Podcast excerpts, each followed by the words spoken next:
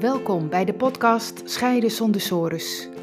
Ik ben Annewieke van der Boom en ik begeleid mensen die op het punt staan te scheiden en bang zijn voor een financieel drama, verlies van contact met je kinderen en eindeloze discussies met hun partner naar een nieuwe situatie waarin je meer quality time hebt met je kinderen, weer respectvol en ontspannen met je partner kunt communiceren en weer financiële duidelijkheid hebt.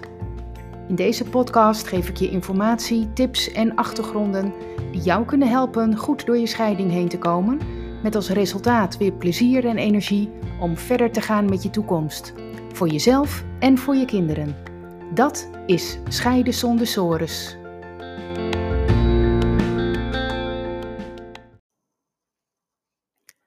Wie betaalt wat?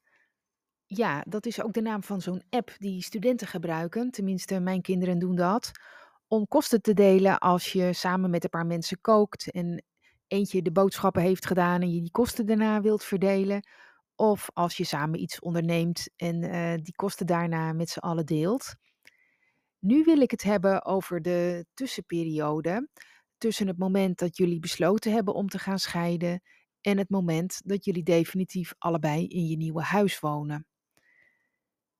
Ja, als mensen mediation starten, dan wonen de partners vaak nog in één huis. Het is ook mogelijk dat een van de partners al tijdelijk een andere woning heeft gehuurd, bijvoorbeeld een appartement. En die keuze maken mensen vaak omdat samenwonen in één woning te veel spanning gaf.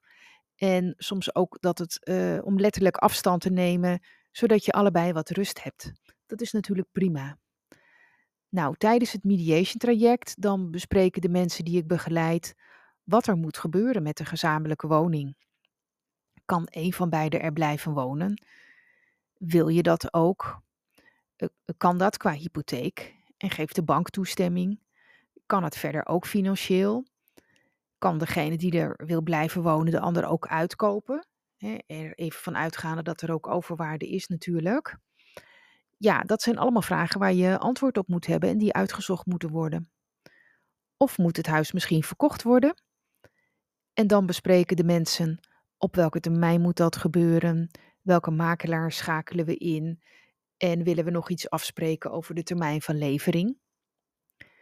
Maar intussen uh, moet ook een van de partners op zoek naar een nieuwe woning, een koopwoning of misschien een huurwoning. En bij verkoop van de woning moeten beide partners op zoek naar een nieuwe woning.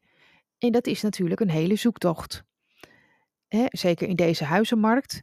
Ook al zie ik in de praktijk dat het vaak toch uiteindelijk wel lukt, het blijft onzeker. Je weet niet wanneer je een nieuw huis vindt. Um, dat weet je gewoon niet in deze huizenmarkt. Je weet niet of het lukt en wanneer. Uh, en of je die financiering weer allemaal rond kan krijgen van een nieuw huis.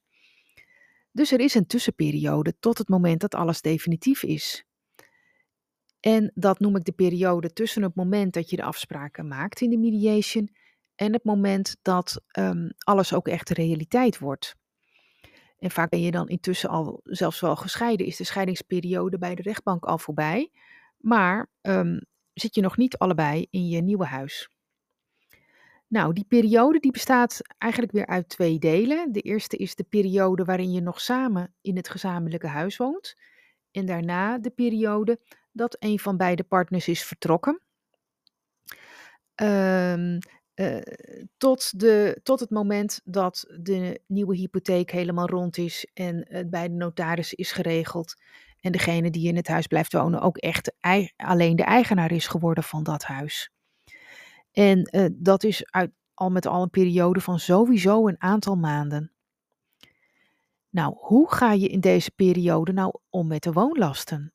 Wie betaalt de hypotheeklasten en de andere woonlasten, hè, zoals de onroerende zaakbelasting, de energie, water, gemeentelijke belastingen? En wat doe je met andere vaste lasten? En doe je ook nog boodschappen van de en-of rekening? Of stop je daarmee? En hoe doe je het dan? Doe je dat op dezelfde manier als voordat jullie gingen scheiden? En dat kan, maar vaak willen mensen toch de, uh, de afspraken aanpassen aan de nieuwe situatie. Nou, en daar begeleid ik jullie bij. En bij de situatie waarin een van beiden elders gaat wonen, moet je ook goed kijken wie betaalt wat. Van beide woningen, maar ook bijvoorbeeld de kosten van de kinderen. En het is vaak heel zinvol om daar goede afspraken over te maken.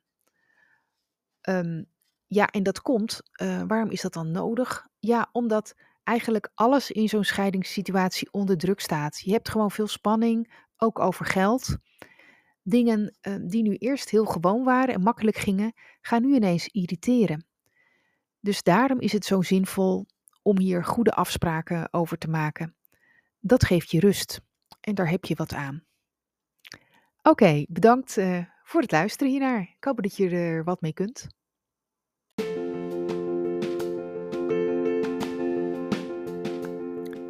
Leuk dat je hebt geluisterd naar deze aflevering. Ben je benieuwd naar meer? Abonneer je dan op deze podcast. Dat kun je doen door bij Apple Podcast op het plusteken rechtsboven te klikken en dan zie je volgen. Bij Spotify door linksboven op volgen te klikken.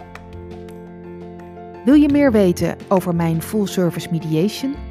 Bekijk dan mijn gratis video, waarvoor je je kunt aanmelden via mijn website annewiekebemiddeld.nl. Tot de volgende aflevering.